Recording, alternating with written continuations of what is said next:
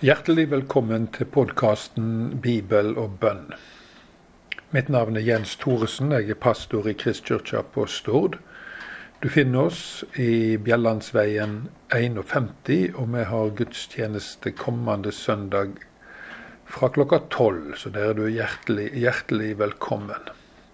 Da skal vi forresten snakke om Abraham og hans tru. Vi er jo midt inne i en serie om hva kristen tru er for noe, og da kommer vi ikke utenom gode, gamle Abraham.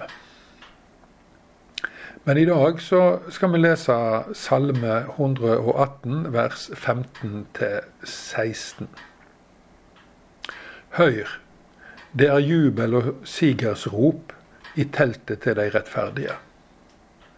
Herrens høgre hand gjør storverk. Herrens høgre hand løfter opp. Herrens høyre hand gjør storverk. Disse versene er som en drøm for meg. De rettferdiges telt er Guds menighet på jord. Der høres det jubel og seiersrop. Hvorfor da? Fordi Herrens høyre hand er der og gjør storverk. Herrens høyre hand, det er Jesus sjøl, da.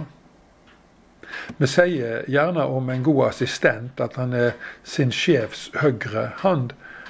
Jesus er jo ingen assistent. Han er Guds sønn som sitter ved fars høyre hånd.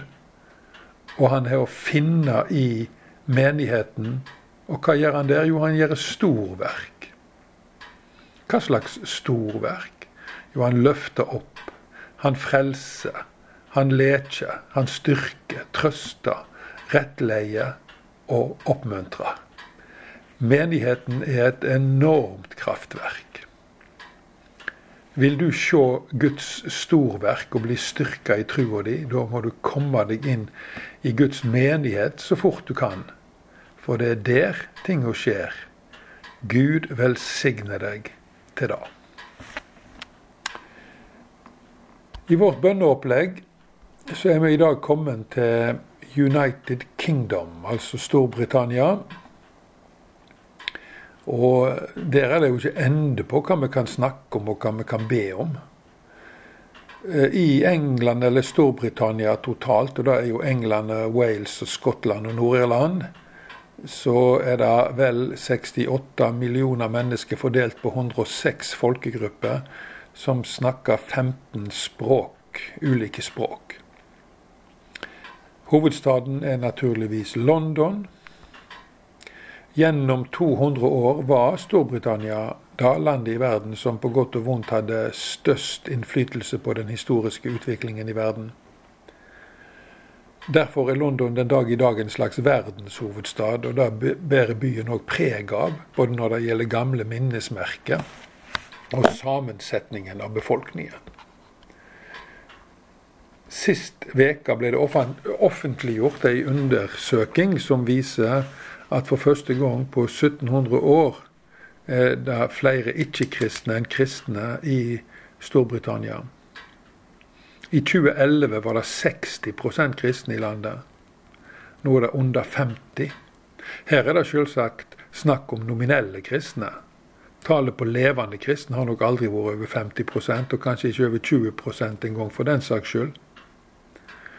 Men også mellom 871 og 899, og nå er vi langt tilbake i tid, eh, da kristna den berømte Alfred den store, det engelske lovverket, og Alfred den store er vel kanskje den største og viktigste kongen i Englands historie. En slags Englands kong David. Og etter hans tid har kristendommen vært fundamentet for den store nasjonen som gjennom sitt enorme verdensimperium på 1700- og 1800-tallet har prega utviklinga i Øst-Afrika, Nord-Amerika og mange land i Asia. Juvelen i krona, det var India. Imperiet utløste ei mektig bølge av misjon både blant anglikanere, baptister, metodister og salvasjonister, altså frelsesarméfolk. Ei bølge som også rammer Norge på den måten at norske kristne ble inspirert til å reise ut som misjonærer i kjølvannet av de britiske.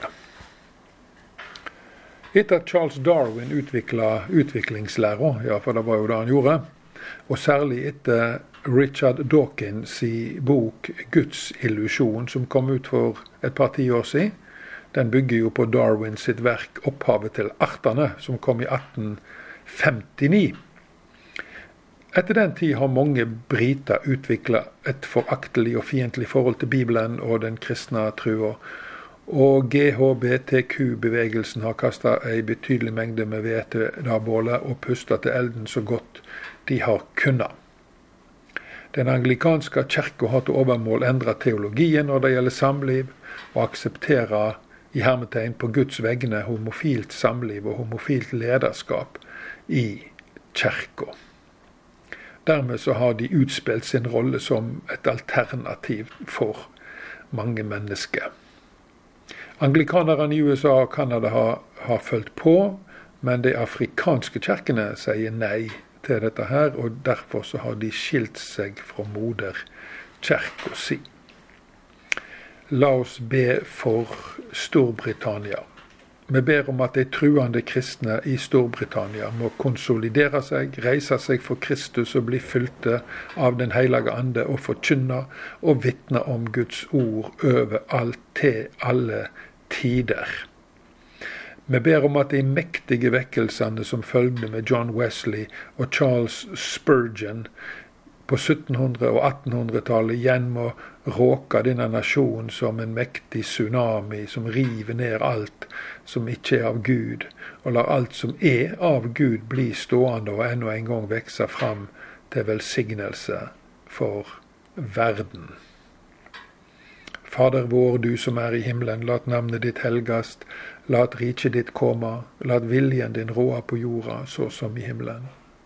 Gi oss i dag vårt daglige brød, og forlat oss vår skyld, som vi òg forlet våre skyldmenn. Og før oss ikke ut i freisting, men frels oss fra det vonde. For riket er ditt, og makta og æra i all eva. Amen. Må Herren velsigne deg og bevare deg. Må Han la sitt ansikt lyse over deg og være deg nådig. Må Han løfte sitt åsyn på deg og gi deg fred. Tusen takk for at du lytta til Guds ord i dag og var med i bønna for Storbritannia. Vi skal be mer for Storbritannia en annen dag. Her er det masse, masse å ta av. Jeg ønsker deg en god dag, og dersom du trenger forbønn, så kan du gi meg et, eh, en, en SMS, så skal vi ta deg med i bønn. Telefonnummeret er 47 41 58 64. Du når meg også på mail. Krist, eh, den heter om forlatelse. Eh, pastor eh, krøllalfa kristkirka.no. Takk for denne gangen, og på gjenhør.